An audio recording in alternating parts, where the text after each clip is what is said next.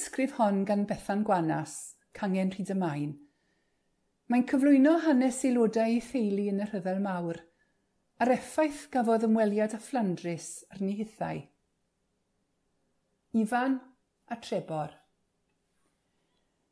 Nes i rioed freuddwydio byddai penwythnos yn Flandris yn cael y fath effaith arnau. Dwi'n meddwl mai dim ond ar ôl dod adre mae o wir yn taro rhywun – Mi ges i fy llorio tra ro'n i yno a mynd yn ddagreuol. Dim ond wrth ddarllen penillion Robert Graves am ffô colio lads from Ebw Fel yn canu fel angylion yng nghanol y brwydro. Rough pit boys from the coaly south, they sang, even in the cannon's mouth. Like Sunday's chapel, Monday's inn, the death trap sounded with their din. Meddwl am frodyr tai drwn ni wrth gwrs. Ifan a Trebor. Dau hogyn ffarm o feirionydd o deulu o gantorion rhyfeddol. Mi fydden nhw'n sicr wedi ceisio cadw'n gall drwy ganu, ac mae'n meddwl am hynny'n torri fy nghalon ni. Chydig rydyn ni'n ei wybod o'r hanes am fod i tad wedi chwerwi gymaint, doedd o ddim eisiau siarad amdanyn nhw roedd e wedi cael ei siar o dorcalon am fod i wraig gan, wedi marw ar enedigaeth i degfed plentyn yn 1909 a hithen ddim ond 40 oed. Mae lluniau'r ddau i geni. Ifan William Evans a Hugh Trebor Evans. Roedd taid wedi deud bod Efan yn dipyn o sgolor ac wedi cael gradd yn Aberystwyth. Yr unig un o blant tafod oer i fynd mor bell y myd addysg – Roedd i gyfaill Dr Edwards wastad yn dweud na fyddai o beth wedi llwyddo i fod yn doctor, ond i bai am ifan, gan mai fo fyddai'n gwneud i waith cartref drosto'n aml. Roedd o'n beldroedio'r da hefyd, ond gwyddoniaeth oedd ei faes, ac ymunodd efo Royal Engineers. Dim ond i gael ei ladd yn yr Ypr Salient ar yr ail ar bymtheg o dachwedd 1917, yn bedair ar hugen oed.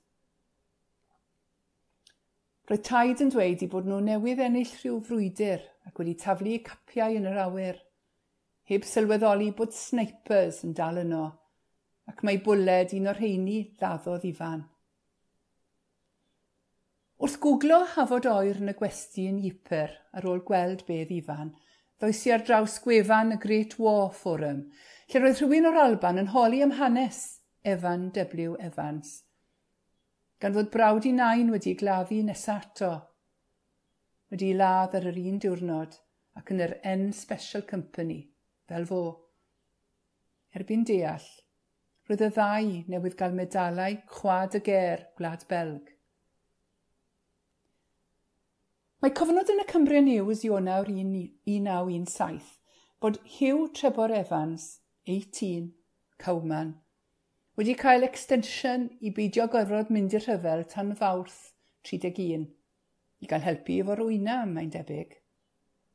Aeth draw fel preifat efo'r Royal Welsh Fusiliers, ac ar y pedwerydd ar 15 o fedi 1917, gwta fus ar ôl cyrraedd, cafodd ei ladd in action.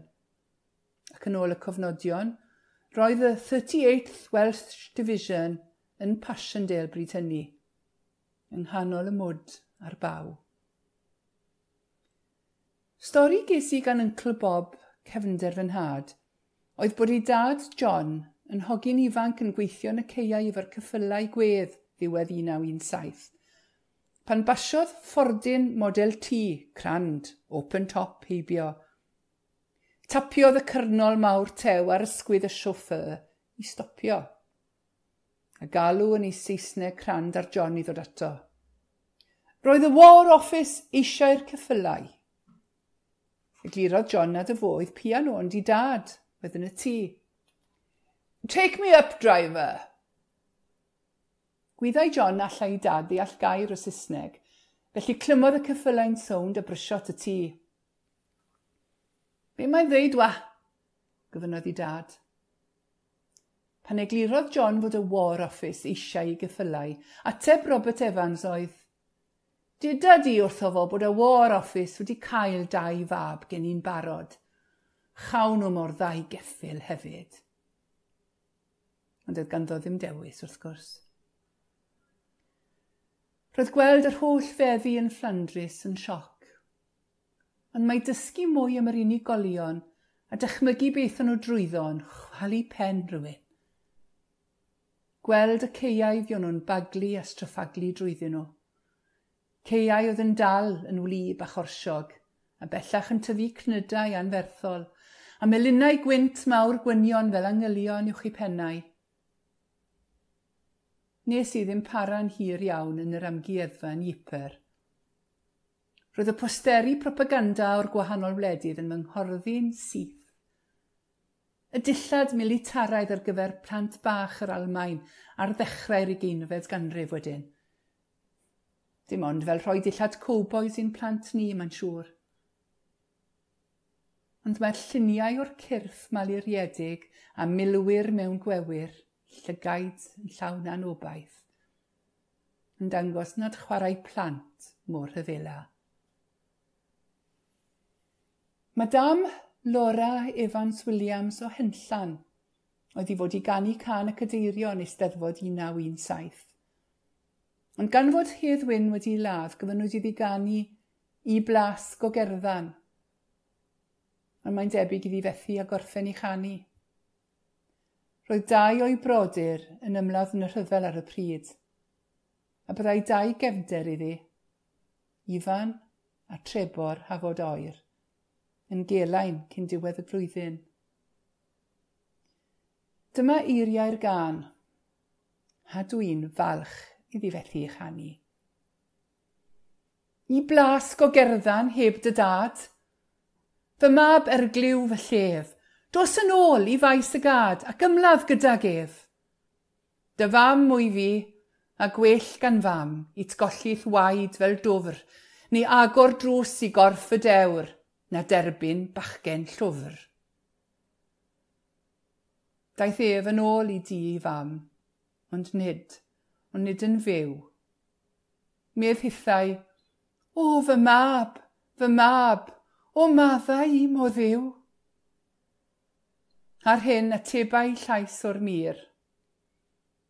Trwy Gymru tra'r hyd dwfr, mil gwell yw marw'n fachgen dewr, na byw yn fachgen llwfr. Caif Siegfried Sassoon y gair olaf. Dyma ddyfyniad o'i gerdd The Hero. And how at last he died, blown to small bits. And no one seemed to care, except that lonely woman with white hair. Darllenwyd yr ysgrif gan Elin Williams, Cangen Llanbedr Pont Steffan, Rhanbarth Ceredigion.